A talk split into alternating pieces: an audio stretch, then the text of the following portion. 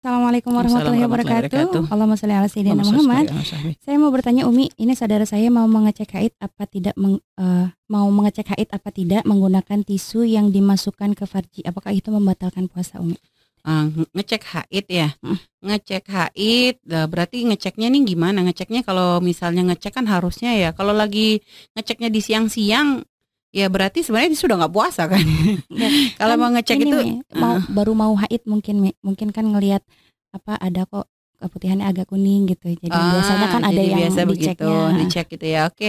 Kalau misalnya ngeceknya ya di permukaannya aja, jangan hmm. sampai masuk. Yeah. Diusahakan jangan sampai jadi sekitar permukaan. Oh, nggak ada di permukaan, udah aman. Gitu hmm. aja sudah. Ya. Nggak usah fudul.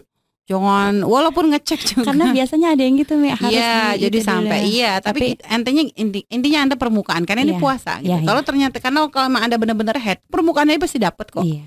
Jadi gitu. Karena biasanya head itu nggak netep di ini ya, tapi kan sudah keluar kan hmm, gitu. Hmm. Kalau emang masih belum, Anda nggak usah fudul sudah, iya. biarin aja sudah. kalau gitu nanti keluar-keluar ya sekeluarnya dia gitu karena memang pasti akan keluar dia kalau memang sudah waktunya untuk keluar.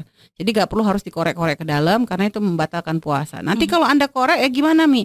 Ya kalau memang anda dapat ya keluar memang ada darahnya ya berarti yeah. head kalau iya. enggak sudah headnya enggak puasanya batal ruginya double anda.